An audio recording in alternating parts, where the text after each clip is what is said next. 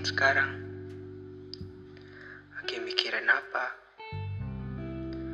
Malam-malam gini, aku sering banget mikirin hal-hal yang gak seharusnya aku pikirin. Hal-hal negatif yang sering ganggu pikiran aku. Kalian juga pernah kan?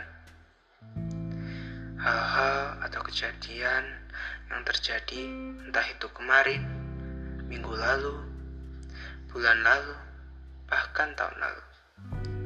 Hal-hal yang kalian sesali dan juga hal-hal yang memalukan.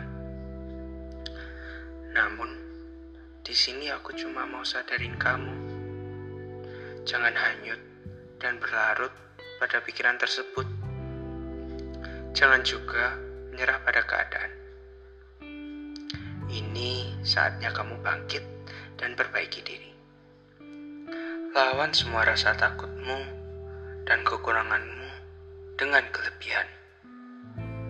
Ingat kalau kamu itu berharga. Stop overthinking dan beranjaklah tidur. Karena tubuh dan pikiranmu butuh istirahat. Good night. Selamat tidur kawan berbincang.